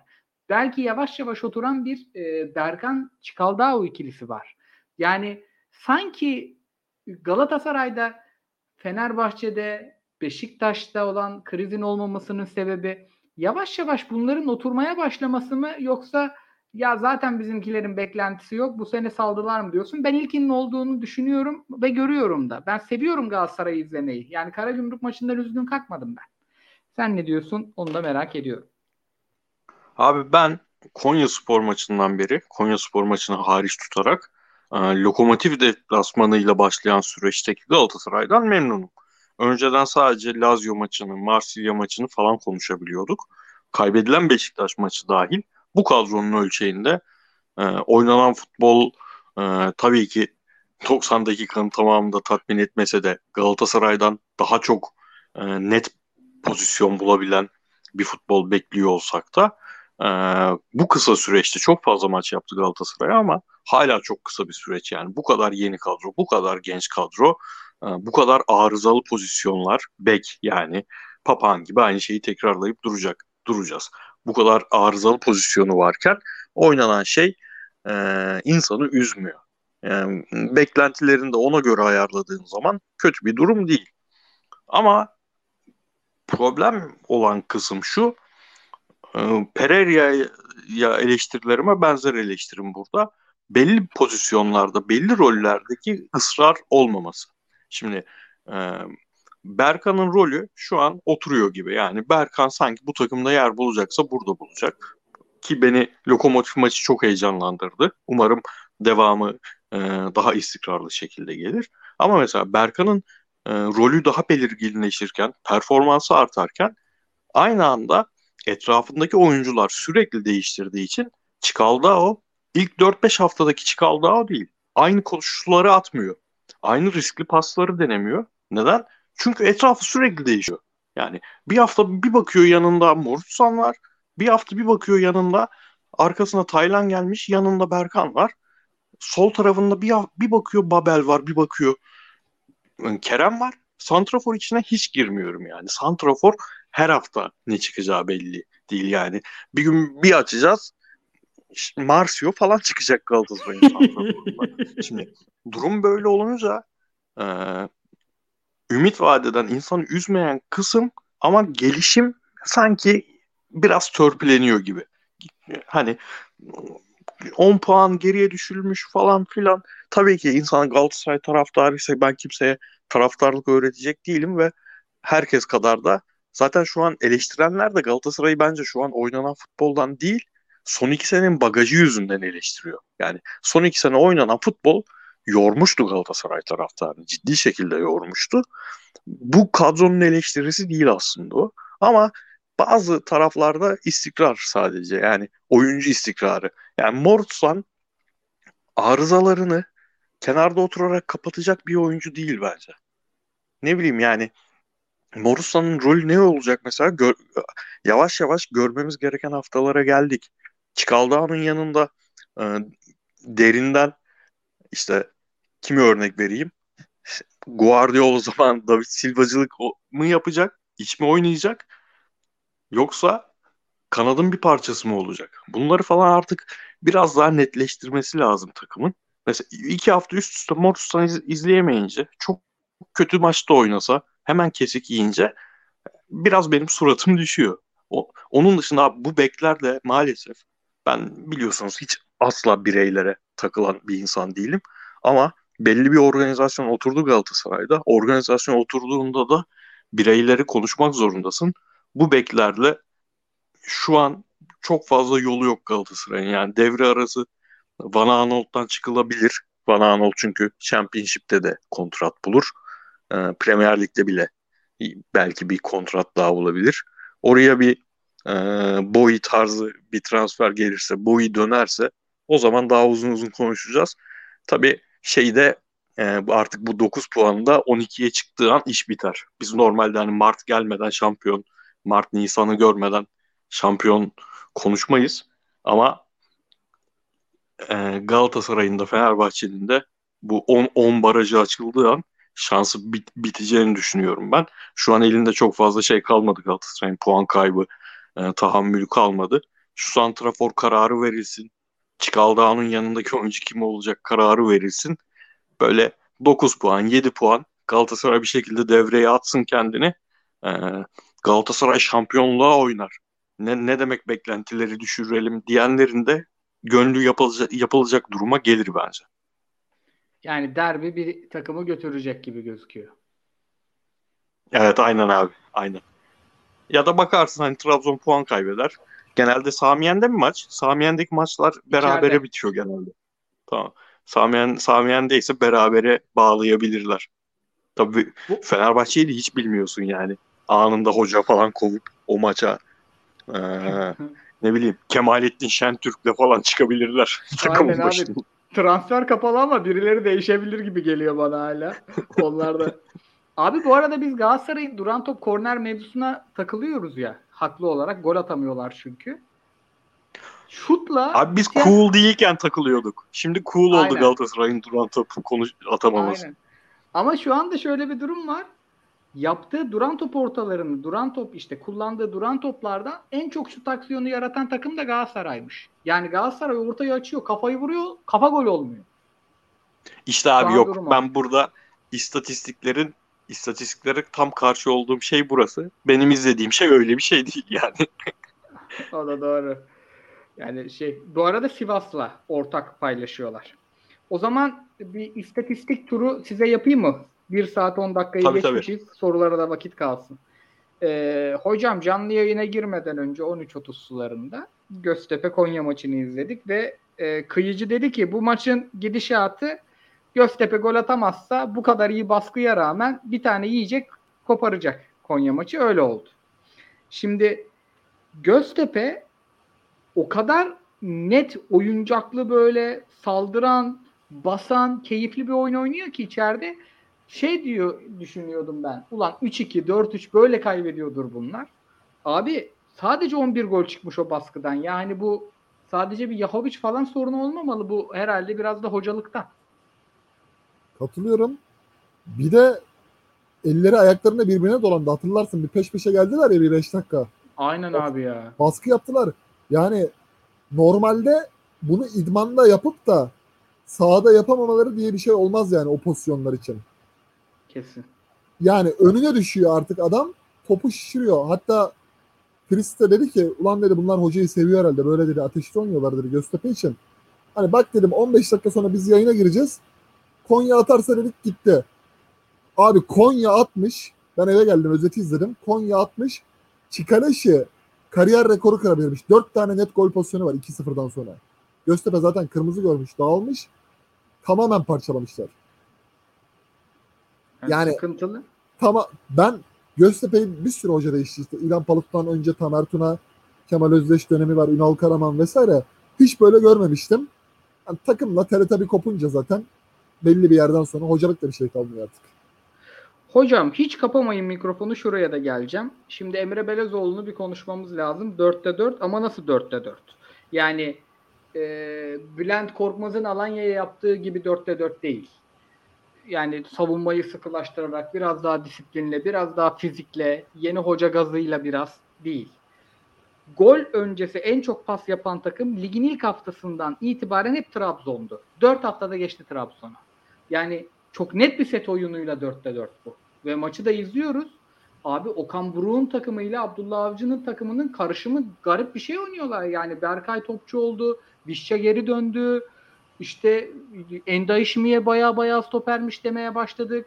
Yani hakikaten çok iyi bir hocanın dokunuşuna göre bile çok şaşırtıcı. Ne düşünüyorsun? Bir de Şime şey yaptı yani ulan yanında Duarte gelmiş. Tamam Milan Flamengo geçmişi var ama Duarte bile tartışılan bir isim mi yani? Duarte iyi olmadığı için Ravil'i geri aldılar alt ligden. Hani Ravil'i hazırladılar. Duarte başka oynuyor. Hasan Ali kariyerin en iyi maçını oynadı belki de. Hasan Ali Kaldırım kariyerin en iyi maçını oynadı. Yani Hasan Ali, Endeşim ve Duarte. Yanında da Ömer Ali Şahiner. Aslında o da devşirme bek değil. Kenar oyuncusu. Bu dörtlüyle çataçat oynadılar. Malatya maçı gerçekten önemli bir eşikti Emre Belezoğlu takımı için. Birçok şeyin tesadüf olmadığını gösterdiler o maçta. Fritz'e atıyorum pası. Fritz de bizim ee, Adana Demirspor ilgi alanımızda sezon öncesi. Sezon içerisinde biraz ilgimizi kaybettik. Ben açıkçası Belhanda oynamıyor diye biraz hayal kırıklığına uğradım. E, bel şeyin hocaların suçu yok, Belhanda'nın suçu var bunda. Abi şeye çok şaşırdım. Ligin en çok şut atan ortalama 3. takımı, en çok gol pozisyonu üreten birinci takımı Fritz. Yani biz bu takıma abi dalalım ya. Vakit bulamıyoruz ama Montella'yı da bir övmek lazım herhalde. Abi artık biliyorsun ya sizin de öyle oldu. Benim zaten öyle yani gündüz maçları izleyen yani cumartesi Avrupa izlememiz gerekiyor. Pazar günü de yayından çıkınca insanın çok maç izleme hevesi kalmıyor. O yüzden Anadolu takımları özellikle Adana Demir falan çok uzağımızda kaldı. Abi Belhanda kısmına da yani sen seven bir insansın. Ben nötürdüm. Kıyıcı nötürdü falan ama kafamız ne rahatladı değil mi ya? Belhanda Aynen. tartışması yok. Aynen. Şu var ya Çikaldağ şey olurdu şimdi. Belanda şu takımda oynasaydı ve pek iyi oynamasaydı Çikaldağ'ı da taşıyor bilmem ne oluyor falan filan diye beynimizi sikme sikerlerdi affedersiniz. Abi Ay, çok ya şey korkum şuydu. Adana Demir de çok iyi oynarsa yine bizim başımıza bela olurdu. Sürekli ya gönderdiğiniz adamı görüyor musun? Allah'tan şeyler çok yapmıyor. Anti Belhandacılar da çok sıkıntı insanlar. Onlar da çok ulan sürekli gündeme getirmiyorlar nerede sizin Belhanda falan diye. Yine senin soruyu yedik kusura bakma abi. Yayın Yok, yok, sonları zaten- böyle oluyor. Bu arada. Fenerbahçe Farioli Marioli hiç girmesin. Montella ligin şifrelerini çözmüş. Bak ya, yemin ediyorum Yunus Akgün falan var ya canavar gibi top oynadı ha. Vallahi o çocuk da gol attı değil mi abi? Bu hafta golü Çok attı. güzel hem gol attı hem Montella geldikten sonra bak kanat oyuncuları Asan Bolonga, Yunus Akgün, benim Perolu Vargas. Bu, bu tayfa hep kenar oyuncusu performansını katladı ve hocanın da dediklerini yapıyorlar. Devamlı iletişim halindeler. Hani Monte şey Balotelli'ye zaten kimse karışmıyor. Bu manyak diyorlar önde kalsın. Geri gelmesin. Biz arkada işi çözeriz. Balotelli orada kalıyor. Bir şekilde alıyor, veriyor, bırakıyor. Zaten o da biraz jogging gibi oynuyor. Arkadakiler bitirim olduğu için üçü birden saldırıyor abi. Hem Yunus hem Hasan Bolanga hem de Vargas. Zaman zaman işte Belhanda'yı da o pozisyona düşündüler ama o şeyi yakalayamadı. Sinerjiyi yakalayamadı. Montella eğer böyle devam ederse küme düşmeme falan olursa Murat Sancak'la birebir iletişimlere problem olmazsa zammam e, Türkiye Ligi'nde ekmek yarıyor yani. Devam eder. Net katılıyorum. Bu Sivas'a geçelim. Ben maçını da izledim. Bu arada güzel eşimle bir kahve içelim dedik cumartesi sabahı. Çıktık Erenköy'de işte geçtik Bağdat Caddesi'ne kahvemizi içiyoruz. Hocam benim bir tip kanlandı. Böyle jazz çalıyor bilmem ne çalıyor. Flat white'lar söylendi. Ben IPTV'yi alttan açtım hocam. 2 artı 2 4. Kimse kusura bakmasın. Ulan Ondan konu sonra- Sivas Spor'a nasıl bağlanacak çok merak ettim. Sivas, Sivas Giresun şimdi e, kitaplar falan da almıştık. Eşim bir şey Tolstoy'un bir şeyini okuyor. Ben yandan Giresun Sivas bakıyorum. Açıkçası bir kendimi kötü hissettim abi. Kendimi kötü hissettim. Dedim ki Nazlı yarim dedim. Bak dedim ya Giresun yeşil forma, yeşil şort, yeşil çorap giymiş. Ben bunları göremiyorum dedim. Koray dedi beni getirdiğin mekana bak, verdiğin bilgiye bak dedi. Telefonu kapattım hocam. Yüzde yüz, sıfır, sıfıra sıfır. Korsan yayınına kadar ki zaten Bein Sports'un abonesi olduğumuz için iki maçı aynı anda izlemek için alıyoruz. Yapacak bir şey yok. Bein çöz bu işi kapatalım. Yapacak bir şey yok. Ona kadar anlattım. Ama istatistiğimi de vereyim. Sırf anıyı salmayayım. Ligin en çok uzun pas, en uzun pas yapan takımı ve abi artık sıkıldık. Yani Giresunspor çok daha iyi oynadı Sivas'tan. Katiyen topu yere indirmiyor ya adamlar. Kaleyi Hakan bulan şut bu saygılar ya. He? Hakan Keleş'e saygılar diyorum abi yani şu kadroyla kaç puanları bir bakayım pardon. 10 puan abi. Müthiş ya. Şu kadrodan 10 puan çıkarmak gerçekten büyük. Bu arada ben Mecnun Yakmaz'ı 2005 16-17 yıldır az çok takip ediyorum Süper Lig'de. Belki de ilk defa maçtan sonra bazı teknik konulara girdi. Yani bizleri Hocayla böyle- ilgili mi abi? Evet abi yani isim vermeden eleştirisini yaptı. Bizleri böyle oynamamalıyız dedi. Biz kendi evimizde dedi daha iyisini beklerdik gibisinden konuya girdi. İsim vermedi Rıza Çalınbay ama e, yani 8 kişi falan gibiydik sahada dedi. Hani bizim dedi beklentimiz bu maçtı. Bu maçı kazanırsak yukarı imeleneceğimizi düşünüyorduk dedi. Bize Avrupa falan çok yordu ama dedi artık ligin 12. haftasındayız dedi. Şaşırdım lan dedim Mecnun nasıl böyle konulara girer miydi falan diye. Hakikaten Rıza Çalınbay cepten çok yedi abi. Tamam şimdi sen Kopenhag maçları şudur budur ama 12. haftaya geldik. Biraz yani Gradel var elinde. Benim çok sevdiğim, gerçekten çok beğendiğim oyuncu Hakan Arslan. Sol bekte Uğur Çiftçi. Kaleci Ali Şaşal. Önde Yatabare. Bu, bu tür oyuncular var. Faysal Fajr geçen senenin flash oyuncusu. Oyuncular hiçbir şey koyamıyor abi sahaya. Yani oyunu Sivas evinde oynarsa büyüklere dikte ederdi. Küçük takımları zaten pirana gibi yerdi. Onu hiç yapamadılar. Giresun çok net pozisyonlar yakaladı ve oynayamadı. Ben izledim maçı. Ee, hal böyle olunca da Rıza Çalınbay'ın orada biraz sıkıntısı var yani. Milli araya kadar toparlarsa kendisi açısından kredisi bitmez. Ama Mecnun Akmaz'ın özellikle Rıza Çalınbay'ın olduğu yerde böyle bir konuya girmesi beni şaşırttı Süper Lig'e dair. Bu haftaki notlarımdan biri buydu. Niye böyle Hocam- oldu acaba? Se- sezon başı Abi Avrupa sezonu erken açtılar. Biraz yükleme yaptılar. çok iyilerdi ama o dönem. Yani. iyilerdi. Çok yükleme yaptılar. Düştüler ama düşüş çok uzadı. Şimdi düştükleri biraz puan avantajını kaybettikleri zaman Rıza Çalınbay hafta içi işte bu Doğan Haber Ajansı'na İdman bir beş dakika röportaj verirler ya ben bazen orada baktım. İşte Avrupa defterini kapattık artık lige odaklanacağız falan bir, birkaç demeç verdi. Ama Rıza Hoca'nın da yani şikayet etmeye hakkı yok abi. Ligin üstünde bir kadrosu var. Şimdi yani Kayseri Spor ne yapsın abi o zaman? Giresun Spor ne yapsın? Hikmet Karaman yani bir şeyler yapmaya çalışıyor. Beğenilmiyor. istifaya çağırıyorlar. Rıza Çalınbay'a kimse istifaya davet etmez Sivas'ta. Adam zaten Sivas'ta. Ve iyi hoca. Bu takımın buraların hocası derler ya. Buraların hocası. Ama oyun namına hiçbir şey yok abi. Yani bir oyuncu geldi. Neydi? James. iyi oynuyordu. Kesildi. Gol atamıyor diye kesildi. Sonra oyuna girdi bir şeyler yaptı. Joao Felix var. Polonya'dan gelen İspanyol oyuncu. Hı hı. O hiç adaptasyon sağlayamadı. Faysal Fajr eski Faysal Fajr değil.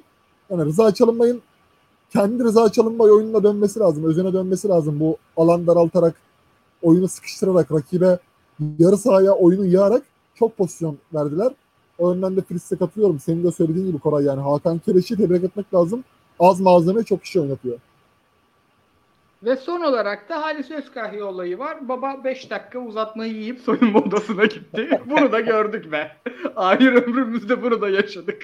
Ve Sadece Türkiye Ligi'nde olabilecek bir olay. aynen şey çok güzel söylemiş abi. Biraz kanalında reklamını yapalım hocam. Nat Spor'da Tümer Metin şey diyor. Ya bunu hangi hakem yapar diye bana sorsanız Halis yapar.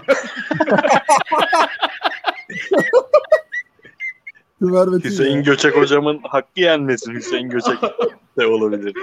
Hüseyin Göçek ikinci yarıya komple çık baba. İhtimali var abi yarıda bırakmaz. Abi şimdi ben ben duşa gitsem yani tamam mı? Duştan beni çağırsalar maç oynanacak. Bene, bene, Benekli Ayhan gibi ananı sikeyim derim ya. Ne oluyor?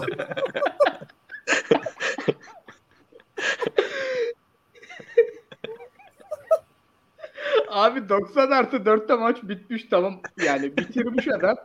Ulan vardan vardan hiçbir hocam daha var diyen olmadı ya buna. Niye Abi- duşa hemen- Bu giden duşa nasıl hemen gidiyor?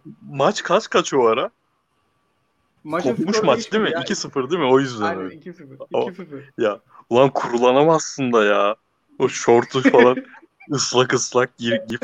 Aynen abi. O formaları, şortları bir de naylon var ya o bacaktan da geçmez. Bu abilerin yarısı baldır zaten. Abi kesin bak sigara içen topçu da vardır. Sigara içer, sigarayı yakmışsın. Maça geri çağırıyorlar. Ser, Serhat Akın kesin öyledir ya. Bizde Hakan Balta falan sıkı içiciymiş. Aynen Hakan öyle. O zaman e, sorulara şey geçeceğim. Sorulmayan varsa her şeyi konuştuk bütün yani bir haftaya değil tüm lige baktığımız için Trabzon'umuz şampi diyebilir miyiz diye sorular gelmiş mesela. Onları konuştuk. YouTube'a yüklemiyoruz devrim. Onu söylemiş. E, Cagne neden düşünmüyor? Konuştuk.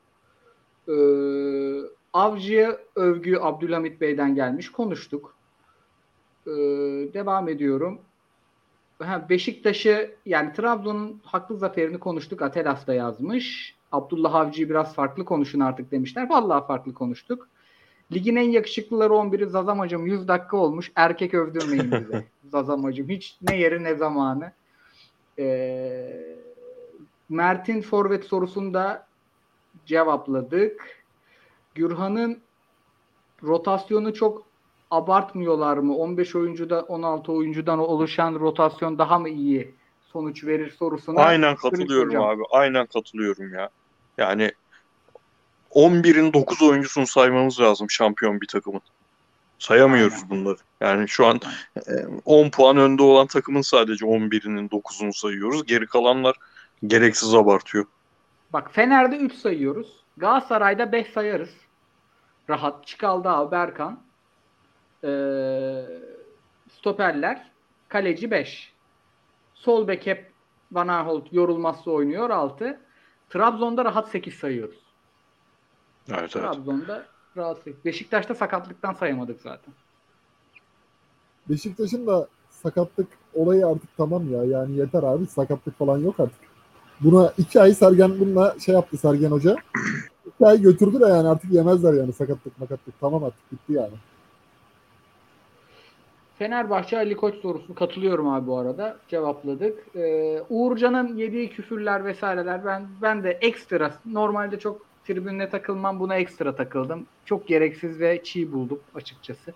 Sen takıldın ee, mı? Abi ya hani yaşlı başlı insanlarız. Ben zaten tribüncülükte falan hiç olmayan bir insanım. Yani hiç o taraklarda bizim yoktur ama ya bir ekstra hassasiyet gösterildi sanki. Özellikle hani görüyorum çok fanatik Galatasaraylı olduğunu bildiğim insanların milli takım kalecisine küfür edildi diye bunu gündem yapmaya çalışması.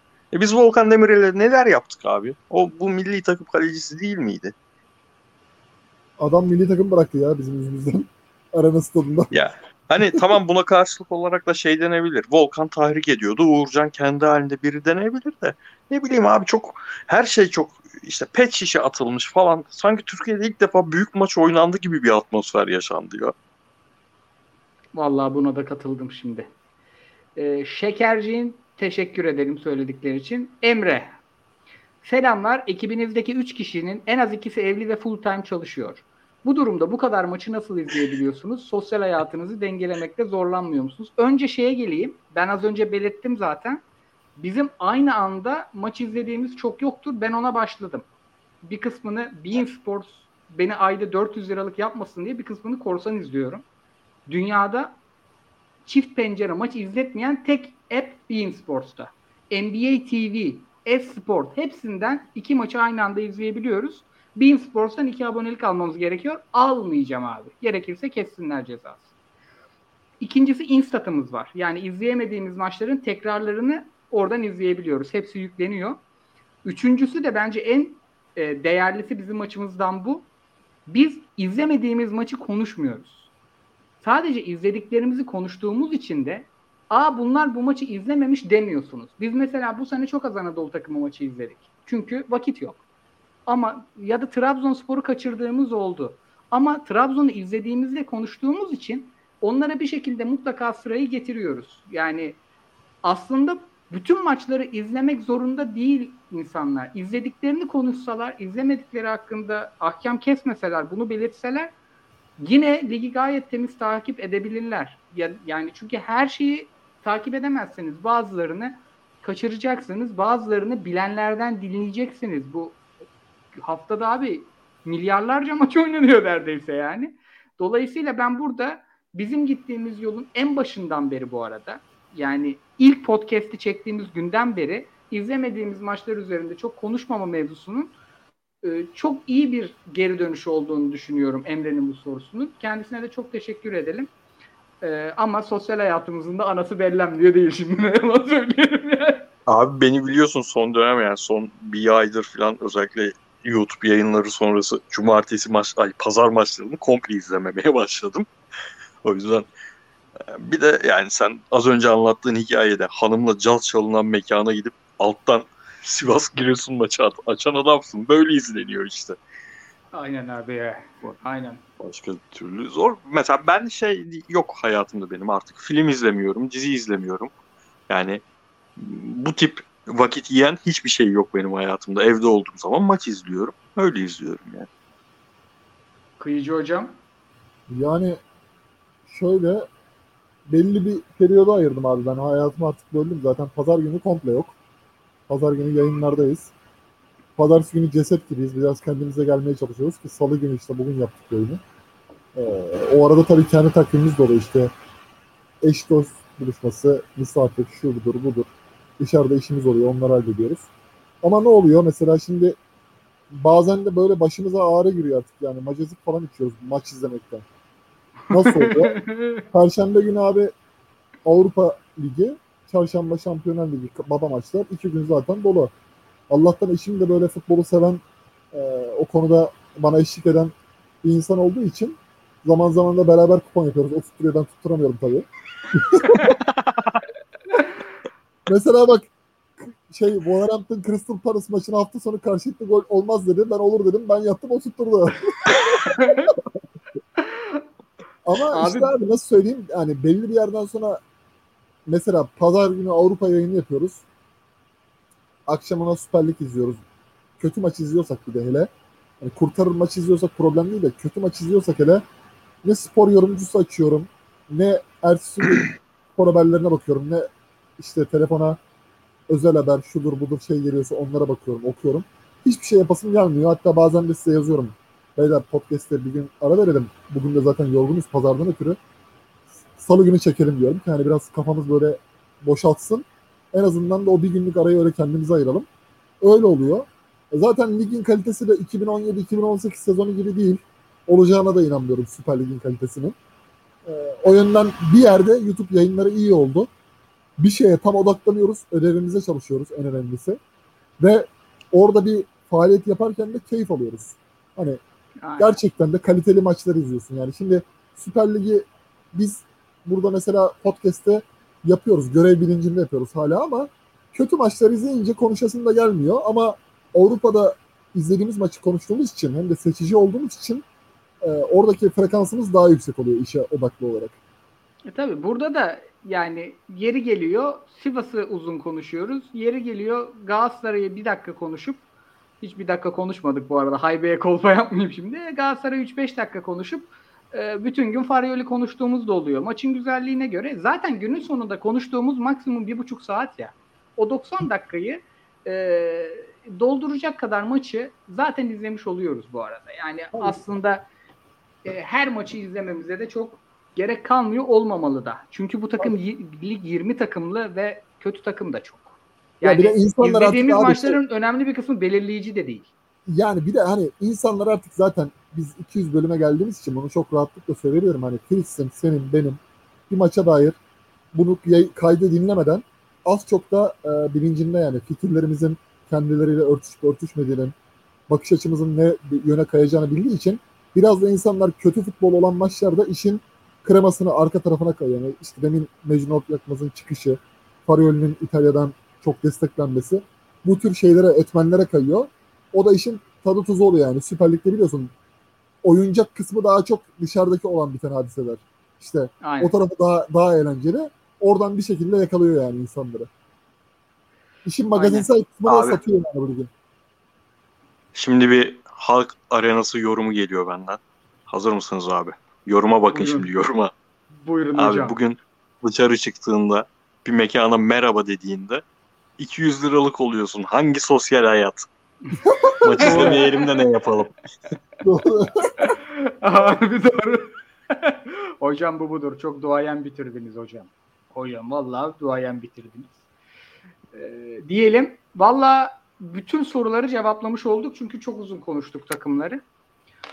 Bakayım ne kadar olmuş. Zaten e, 100 dakikayı da bulmuşuz. Abiler ağzınıza sağlık ya. Eyvallah. Sağ olun. Dinleyen herkese de çok teşekkür edelim. Atamızı tekrar kapatırken de saygıyla analım. Ee, haftaya Süper Lig konuşmayız ama YouTube'da 11'ler yapacağız, büyük akacağız. Görüşmek üzere, hoşçakalın. Görüşmek üzere.